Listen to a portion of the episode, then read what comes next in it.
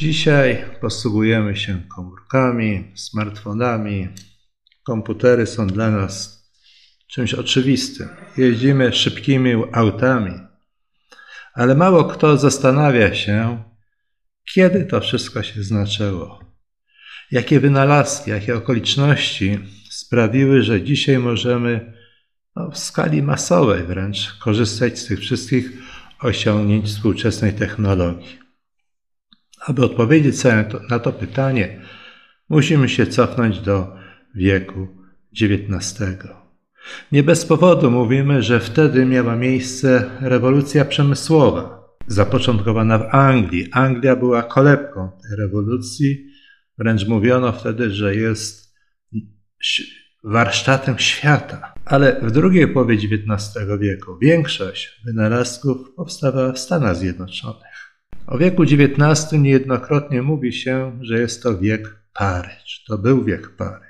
Nie do końca jest to prawda. Owszem, para tak, i to był przełom. Ale tak naprawdę musimy powiedzieć, że w wieku XIX, zaczynając od pary, doszliśmy do elektryczności. Wszystko zaczęło się jeszcze w XVIII stuleciu, tak jak wspomniałem, w Anglii, kiedy doszło do przełomu, do zasadniczych, ogromnych innowacji właściwie w trzech dziedzinach. Był to przede wszystkim przemysł włókienniczy, gdzie po raz pierwszy zastosowano maszyny, gdzie po raz pierwszy pojawił się przemysł fabryczny. Do tej pory ludzie produkowali wszystko ręcznie przy pomocą bardzo prymitywnych, przy pomocy bardzo prymitywnych narzędzi maszyny w przemyśle przędzalniczym, spinning jenny, rama wodna, muł, następnie w, przem, y, w tkactwie, mechaniczny warsztat tkacki. Drugim obszarem, w którym nastąpił zasadniczy przełom, to było hutnictwo żelaza. W szczególności dzięki Abrahamowi Darbiemu, który w 1735 roku opracował metodę wykorzystania węgla do wytopu surówki, hutnictwo zaczęło na masową skalę produkować surówkę żelaza, a potem dzięki technologii opracowanej przez Henryka Korta produkowano z tej surówki żelazo. Mówimy więc o erze masowego, masowej produkcji żelaza. Produkuje się belki, szyny, rury, maszyn, statki, części do maszyn, mosty Żelazo staje się głównym materiałem konstrukcyjnym i y, budulcem technicznym. Kolejnym ważnym momentem jest wynalazek maszyny parowej. Maszyna parowa to taki dobry przykład konstrukcji, która powstawała latami, nawet przez kilka wieków. Każdy podręcznik naucza nas, że James Watt skonstruował maszynę parową. Znowu nie jest to prawda, bo przed nim był Thomas Savery, Thomas Newcomen, James Watt, tak, dokonał ogromnych udoskonaleń w tej maszyny, maszynie parowej, tak, że znalazła ona powszechne zastosowanie. Wynalazek maszyny parowej jest przełomem w dziejach cywilizacji.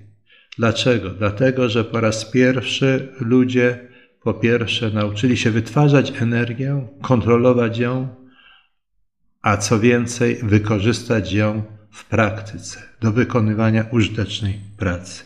Do tej pory zdani byli całkowicie na siłę przyrody. Co więcej, maszyna parowa nie tylko zmieniła obraz przemysłu, także transportu i komunikacji. Pojawił się zupełnie nowy środek transportu, jakim stała się kolej. Zastosowano maszynę parową w transporcie wodnym. Niezbyt udane natomiast były próby użycia maszyny parowej do napędu pradziadków dzisiejszych samochodów, czyli automobili. To wszystko, o czym tu mówimy, pociągnęło za sobą bardzo istotne przemiany ekonomiczne, ale także społeczne, ale o tym może kiedy indziej. Drugą połowę wieku XIX nazywa się także drugą, drugą rewolucją przemysłową. Nie bez powodu, bo ilość wynalazków, nowych konstrukcji, jaka się wtedy pojawiła, przekroczyło wszystko, co wcześniej ludzkość wymyśliła.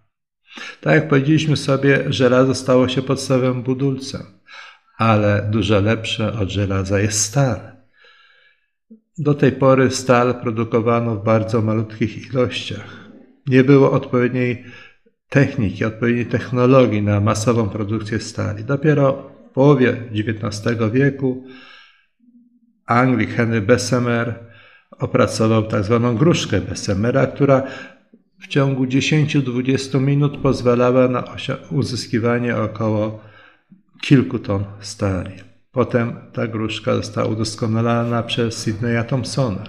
Pojawiły się także inne konstrukcje, yy, a więc bracia Emil i Piotr Martin we Francji opracowali nowy system wytopu stali tak zwanym piecu martenowskim, tak jak w piosence Ojciec Bóg wie, gdzie Martenowski stawiał piec. Do połowy XIX wieku mm, stal to było zaledwie 5% całej produkcji żelaza. Na początku XX wieku 3 czwarte wykorzystania żelaza to była właśnie stal. Dalej, proszę Państwa, wiek, druga połowa wieku XIX, chociaż też zaczęło się to już wcześniej, to powstanie zupełnie nowej gałęzi przemysłu, jaką stał się przemysł chemiczny. Wytwarzano nowe, zaczęto wytwarzać nowe produkty, które w ogóle nie istniały w przyrodzie.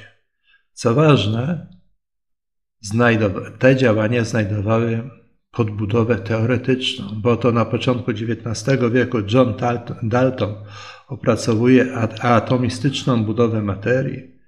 W 1827 roku Frederick Wöhler po raz pierwszy wytworzył sztuczny związek organiczny, dając podstawę chemii organicznej. I w końcu, proszę Państwa, z końcem lat 60. XIX wieku Dymit Mendelejew opracowuje układ okresowy pierwiastków. To, co wszyscy dzisiaj wiemy z lekcji chemii. Tablica Mendelejewa. Rozpoczyna się zawrotna kariera chemii, badania związków organicznych, nieorganicznych, wytwarzanie substancji, które do tej pory nie było.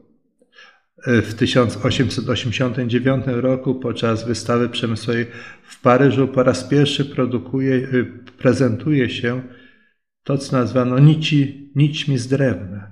Włókna wiskozowe, zwane także sztucznym jedwabiem. Pojawia się celloid na początku XX wieku, bakelit. Mamy do czynienia z początkiem przemysłu tworzyw sztucznych. Zaczęto sztucznie wytwarzać barwniki do mm, barwienia tkanin i pojawia się jako swego rodzaju odgałęzienie przemysłu chemicznego przemysł farmaceutyczny. Ludzkość nauczyła się wytwarzać lekarstwa. Pierwszą substancją y, tak uzyskaną była aspiryna, nasza popularna aspiryna. Produkuje się chloroform, środki bakteriobójcze. Natomiast badania Ludwika Pastera nad procesem y, fermentacji dają mm, mm, początek masowej, na masową skalę rozwoju przemysłu spożywczego. Dalej, od połowy XIX wieku mm, rozpoczyna się produkcja wyrobów gumowych. Zawdzięczamy to Amerykaninowi Charlesowi Goodyearowi, który opracował metodę wulkanizacji kauczuku. Dzięki temu zaczęto produkować gumowe płaszcze, buty gumowe, uszczelki i tym podobne rzeczy. E, w 1886 roku Szkot mieszkający w Irlandii, John Dunlop, opracowuje metodę produkcji dentek do opon. Niezwykle ważne w związku z rozwojem przemysłu motoryzacyjnego, o czym za chwilę powiemy. Od połowy XIX wieku zaczyna rozwijać się przemysł naftowy. No nie powinno być żadnej osoby w Polsce, która nie znałaby nazwiska Ignacego Łukasiewicza. Po pierwsze, tego, który opracował metodę uzyskiwania nafty z ropy naftowej. Nafta, która stała się powszechnym materiałem do oświetlenia. Następnie opracował lampę naftową po to, aby właśnie wykorzystać tę naftę, a w końcu przyczynił się do rozwoju przemysłu e, naftowego. Ludzie cały czas patrzyli na maszynę parową i widzieli, jak ona jest niedoskonała. Dlatego też rozpoczęto pracę nad budową silnika spalinowego. Najpierw był to silnik o napędzie gazowym. Tutaj ogromny wkład w rozwój silnika wprowadził Niemiec Nikolaus Otto, który e, opracował zasadę mm, tłoku czterosuwowego, tłoka czterosuwowego. To, co dzisiaj powszechnie stosujemy w większości e, samochodów. Następnie pojawiają się takie osoby jak Gottlieb Daimler czy Karol Benz, którzy mm, wprowadzają e, silnik benzynowy do pojazdów przez siebie opracowanych. W efekcie rozwija się motoryzacja, a jej rozwój także zawdzięczamy Henrykowi Fordowi, który w 1892 roku zakłada warsztat produkcji samochodów. Wkrótce w tych, te warsztaty zamieniają się w wielką fabrykę, gdzie na masową skalę zaczęto produkować model Forda T. Z końcem XIX wieku pojawia się nowy typ silnika, silnik wysokoprężny, opracowany przez Rudolfa Diesla. Dzięki silnikowi spalinowemu następuje rozwój przemysłu samochodowego, konstruuje się traktory, autobusy, pojawiają się czołgi, no i w końcu już w XX wieku rozwój lotnictwa. Nie byłby możliwy, gdyby nie mieli, gdybyśmy nie mieli silników spalinowych. Ale to, co chyba najważniejsze w wieku XIX, to czy pod koniec wieku XIX, to przejście do energii elektrycznej, do wykorzystania energii elektrycznej. Maszyna parowa była przełomem i o tym mówiliśmy. Miała obok wielu innych niedogodności także i tę, że wytworzona energia musiała być wykorzystywana w niewielkiej odległości od miejsca zainstalowania maszyny parowej. Innymi słowy, w bezpośrednim sąsiedztwie maszyny, którą napędzała. Zupełnie inaczej było z energią elektryczną. Jak wiemy, możemy ją wytwarzać w dowolnym miejscu i przesyłać na dowolne odległości.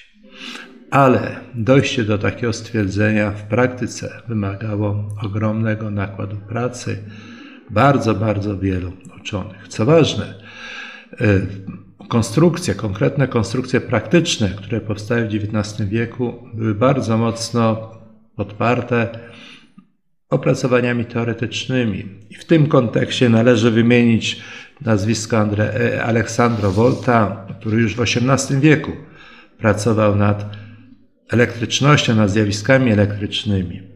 Następnie Michaela Faradaya, który odkrył zjawisko indukcji elektrycznej. Udowodnił, że mm, pracę mechaniczną możemy zamieniać na energię elektryczną i odwrotnie, energię elektryczną na pracę, a więc mamy podstawy teoretyczne budowy prądnicy i silnika elektrycznego. Dalej, proszę Państwa, yy, pracę Jamesa Clarka Maxwella, proszę Państwa, który pracuje nad elektrycznością i nad magnetyzmem i udowadnia, że są to dwa rodzaje tego samego zjawiska które moglibyśmy nazwać elektromagnetyzmem. A więc rozwija się teoria dotycząca prądu elektrycznego, ale także fal elektromagnetycznych. Tu dochodzimy do następnego punktu, mianowicie umiejętności przesyłania sygnałów na odległość. Ludzkość od dawna marzyła o czymś takim. Używała sygnałów świetlnych, różnego rodzaju tablic, chorągiewek itd., tak itd. Tak Wszystko to działało pod warunkiem, że widzieliśmy nadawcę, nie było mgły, w nocy oczywiście nie działało. I oto w 1837 roku William Cook i Charles Wheatstone budowali pierwszy telegraf, który był dosyć taki, no był przełomem, ale jednocześnie był niewygodny w użyciu. Po pierwsze wymagał pięciu drutów jeśli chodzi o łączność. Po drugie, e, odbiorca na tablicy, którą miał, miał wyrysowane wszystkie litery i wskazówka ustawiała się na kolejnych literach przesyłanego słowa. Innymi słowy, y, odbiorca odczytywał litera po literze, składał te słowa, no jeśli się nie pomylił, to wszystko trwało bardzo długo. Ale w tym samym czasie, mówimy tu o końcu lat 30. XIX wieku, pojawił się Samuel Morse, który udoskonala cały system, przede wszystkim wprowadza alfabet, hmm, zwany potem alfabetem Morsa, a więc za pomocą krótkich i długich sygnałów kodujemy poszczególne litery i za pomocą jednego kabla, jednego drutu jesteśmy w stanie przesłać informacje jak się okazuje, na dowolną odległość. W połowie XIX wieku położono kabel pod kanał La Manche, a z końcem, proszę Państwa, lat 50. XIX wieku położono kabel łączący Amerykę z Europą. 4000 kilometrów, 6 kilometrów głębokości. Ten kabel, co prawda, działał tylko jeden miesiąc. Nim jednak okazało się, że królowa Wiktoria mogła przesłać za pomocą tego kabla gratulacje prezydentowi Stanów Zjednoczonych właśnie z okazji uruchomienia łączności pomiędzy y, Europą a Ameryką. Skoro możemy przesyłać sygnał, zaczęto się zastanawiać, czy możemy bezpośrednio transmitować mowę. Tak. I tutaj dochodzimy, proszę Państwa, do wynalazku telefonu, tak dla nas oczywistego. W 1876 roku właśnie mamy rocznicę 10 marca Aleksander Graham Bell opatentował swój telefon. Robił to bardzo szybko, mówię o tym patencie, bo obok pracowali inni inni jak Elisha Gray. Spóźnił się tylko o kilka dni z opatentowaniem podobnego wynalazku. Dlatego też w historii i w pamięci to Bell zapisał się jako twórca telefonu. Podobno mm, pierwszymi słowami, które, czy pierwszym zdaniem, które zostało przesłane przez Bella telefonem, była informacja: Panie Watson, proszę przyjść, potrzebuję pana. Watson był asystentem Bella. Innymi słowy, ludzkość nauczyła się zamiany głosu na sygnał elektryczny i przesyłania głosu w postaci sygnału elektrycznego, a następnie zamiany tego sygnału elektrycznego y, w głos. Skoro umiemy przesyłać głos po drucie, zaczęto się zastanawiać, czy możemy robić dokładnie to samo, ale bez użycia drutu. A więc, czy możemy przesyłać falę elektromagnetyczną powietrzu i kodując tam takie czy inne informacje. I znowu mamy, proszę Państwa, badania teoretyczne, tu zwłaszcza Heinricha Herza z końca lat 80. XIX wieku, które to badania właściwie stworzyły podstawę rozwoju radiokomunikacji. I oto z końcem lat 90., w drugiej połowie lat 90., y, Giuliano Marconi po raz pierwszy przesyła sygnał drogą radiową. Marconi nie był wielkim wynalazcą, był konstruktorem, był inżynierem i dosyć zgrabnie potrafił połączyć istniejące już konstrukcje w jedno urządzenie, które dzisiaj nazywamy radio. Co więcej, szukając klienta na tak powstałe urządzenia, wiedział, że armia może być zainteresowana takim rozwiązaniem, które pozwala na łączność pomiędzy dowództwem a na przykład linią frontu bez pośrednictwa jakichkolwiek kabli czy drutu. Rzeczywiście, bo tak jest z wynalazkami, że one działają pod warunkiem, że są osoby zainteresowane ich zastosowaniem. Mamy więc początek ery radia na początku XX wieku. Marconi po raz pierwszy przesyła sygnał, który biegnie z Europy aż do Ameryki. Wszystkie nasze radioodbiorniki, co oczywiste, ale również telefony komórkowe działają na takiej samej mniej więcej y, zasadzie. Skoro przesyłamy dźwięk, to może potrafimy go także utrwalać. I tu dochodzimy do kolejnego wynalazku, mianowicie wynalazku fonografu, którego autorem był Thomas Alva Edison. W 1877 roku buduje swój fonograf, opatentował go, a pierwszymi słowami, które miały być nagrane, było zdanie: Marysia miała baranka, białego jak śnieg. Innymi słowy, umiemy przesyłać już informacje za pomocą drutów, ale także, jak to mówiono, telefon bez drutu, czyli po prostu radio nam także zaczyna działać. Thomas Alva Edison, którego tu wspomnieliśmy, to niewątpliwy geniusz.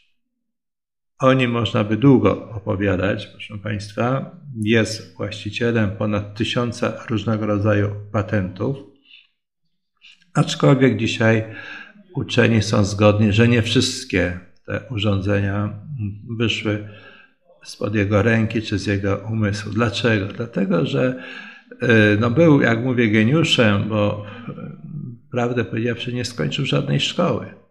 Był samoukiem. Bardzo szybko, zdobywszy jakieś tam pieniądze i znajdując sponsorów, zorganizował pierwszy na świecie Instytut Badań Naukowo-Technicznych. Tak więc Myśląc perspektywicznie, Thomas Alpha Edison zorganizował Menlo Park w New Jersey pierwszy na świecie Instytut Badań Naukowo-Technicznych, potem drugi West Orange, y, o nazwie West Orange Lab. A więc całe zastępy badaczy pracują dla Alpha Edisona. Mówił im, za 10 dni musicie opracować jakieś drobne udoskonalenie, a co pół roku przełomowy wynalazek. Niewątpliwie to zaowocowało, gdyż y, Thomas Alva Edison buduje pierwszą y, w Nowym Jorku, pierwszą na świecie elektrownię publicznego użytku. Przede wszystkim elektrownię, która miała służyć oświetlaniu domów, mieszkań. No tak, ale żeby to zrobić, trzeba było skonstruować żarówkę. I znowu, żarówka jest świetnym przykładem osiągnięcia, na które pracowały całe zastępy konstruktorów czy uczonych. E, Thomas e, e, Edison zapisał się jako twórca tej, tej żarówki. Rzeczywiście on dokonał bardzo istotnego ulepszenia, które zezwoli, zezwalało na przedłużenie czasu świecenia żarówki. No ale tak jak mówię poprzednio, wykańczał swoich konkurentów różnymi metodami, o czym jeszcze powiemy. Tak tutaj, widząc, że nie pokona innego wynalazcy, Józefa Słona, który także e, skonstruował żarówkę, to po prostu podzielił się z nim zyskami. Co ważne i na co warto zwrócić uwagę, Państwa, do dnia dzisiejszego pozostał ślad tego, że to Edison jest twórcą żarówki. Mało kto, nas zwraca, mało kto z nas zwraca uwagę na opakowanie kupując żarówki, a na tych opakowaniach znajduje się tajemniczy symbol albo E14, albo E27. To nie są żadne środki konserwujące. To jest standard wielkości gwinta wprowadzony przez Edisona. E14 to Edison 14, czyli żarówka z małym gwintem. E27 to Edison 27, czyli żarówka z dużym gwintem. Sprawa prądu elektrycznego to sprawa, która doprowadziła do poważnego konfliktu pomiędzy e, właśnie Thomasem Alva Edisonem, a drugim wspaniałym wynalazcą, jakim był Nikola Tesla. Nikola Tesla przez wiele lat trochę zapomniany e, wynalazca, a tak naprawdę genialny człowiek, który ja go porównuję niejednokrotnie do Mozarta. Podobno, gdy Mozart e, komponował swoje utwory, to pisząc nuty, słyszał dźwięki w swojej głowie. Chyba podobnie było z Nikola Teslą. W momencie, kiedy opracował jakiś wynalazek, jakiś wynalazek widział go w swojej głowie. Oddany był bez reszty y, sprawom prądu elektrycznego. Wręcz był w jakiś sposób opętany myślą budowy potężnych y, elektrowni, przesyłania energii elektrycznej bez użycia mm, kabli. Eksperymentował w sposób, dzisiaj byśmy powiedzieli, jakiś nawet nieodpowiedzialny, fantastyczny, między innymi w Colorado Springs na jego E, zamówienie zbudowano potężną, ponad 20-metrową wieżą, która wraz z masztem miała ponad 40 metrów i tam używając e, prądów bardzo wysokich napięć doprowadzą do y, wyładowań elektrycznych, no, przypominających pioruny ku przerażeniu miejscowej ludności. Ponoć też miał być autorem pioruna śmierci, broni, która miała da, zapewnić zwycięstwo każdemu, kto by ją posiadał. Z tym się wiąże zresztą pewna hipoteza, o której jeszcze może powiem. W każdym bądź razie między Nikola Teslą a Thomasem Edisonem doszło do bardzo ostrego zatargu. Nikola Tesla był początkowo w jakiś sposób zafascynowany Edisonem. Pracował w jego zakładach Paryżu, potem przeniósł się do Nowego Jorku, ale tu bardzo szybko doszło do konfliktu z tego powodu, że Nikola Tesla dostał bardzo poważne zadanie, za które też miał dostać bardzo poważne pieniądze. 50 tysięcy dolarów na tamte czas to była zawrotna suma. Tesla wywiązał się ze swojego zadania, niestety Edison nie zamierzał mu płacić. Wręcz powiedział, że po prostu tak żartował sobie, a widocznie Tesla, pochodzący z Europy, nie zna się na amerykańskich żartach. To było za dużo dla Tesli. Zero wszelkie kontakty y, z Edisonem i od tego momentu zupełnie byli na przeciwnych biegunach. Do tego stopnia, że gdy w 1915 roku przygotowywano i nominowano ich do Nagrody Nobla, odmówili przyjęcia jej z tego względu, że nie mieli zamiaru się tam razem spotkać. W każdym razie, y, o ile Thomas Edison opowiadał się za oświetlaniem miast za pomocą prądu stałego, o tyle właśnie Nikola Tesla opowiadał się za rozprowadzeniem prądu przemiennego. Udowadniał, że prąd przemienny możemy przesyłać na dowolne odległości, podczas gdy prąd stały najwyżej na odległość jednej mili. Co to oznaczało? Że co jedną milę trzeba wybudować elektrownię. Walcząc z Teslą, bo za tym kryły się ogromne pieniądze oczywiście, Edison używał bardzo takich brzydkich metod, łącznie z tym podobno, że publicznie przy pomocy prądu przemiennego uśmiercał zwierzęta, aby pokazać ludziom, jak bardzo niebezpieczna jest koncepcja Nikola Tesli. No ale technika sama się obroniła i tak naprawdę dzisiaj wiemy, że to prąd przemienny jest podstawą funkcjonowania wszystkich elektrowni, przesyłania prądu na duże odległości. Oczywiście prąd elektryczny to nie tylko, o czym wszyscy wiemy, to nie tylko oświetlenie, to także mm, silniki elektryczne, ale to także bardzo istotne zmiany w komunikacji. A więc pojawiają się pierwsze tramwaje. Od początku lat 80. już mamy je w Berlinie, ale też y, w 1994 roku w Lwowie, potem w Łodzi, w Poznaniu. Pojawia się y, kolej elektryczna. W 1890 roku otwarto pierwszą podziemną na świecie kolej elektryczną w Londynie. My w Krakowie do tej pory cały czas opracowujemy od wielu lat koncepcję metra krakowskiego i na tym się kończy nasza działalność. Oczywiście elektryczność zastosowanie w metalurgii, w chemii i tak dalej, możliwość uzyskiwania niskich, wysokich temperatur i tym podobne, e, podobne rzeczy. Transport podziemny, a więc pojazdy elektryczne, elektryczne oświetlenie e, kopalń, tak jak powiedziałem, napęd we wszystkich dziedzinach przemysłu. To jest dla nas oczywiste.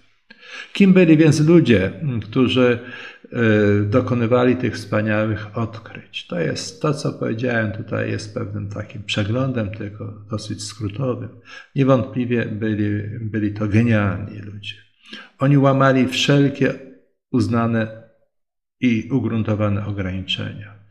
Nie tylko byli pomysłowi, nie tylko mm, mieli, mm, charakteryzowali się ogromną innowacyjnością. To było ważne, ale ci, którzy dokonali tych największych odkryć, to także byli swego rodzaju celebryci swoich czasów. Edison jest tu bardzo ładnym e, przykładem. Podobnie inni. Byli też poniekąd biznesmenami, bo swój produkt umieli sprzedać. Dzisiaj wiemy, jak jesteśmy bardzo uzależnieni od elektryczności. Edison miał mówić, że pomysłowo, że wynalazek, który powstaje, to w 90% jest efektem ciężkiej pracy a w jednym procencie natchnienia. Ktoś inny powiedział, że nie do końca tak jest.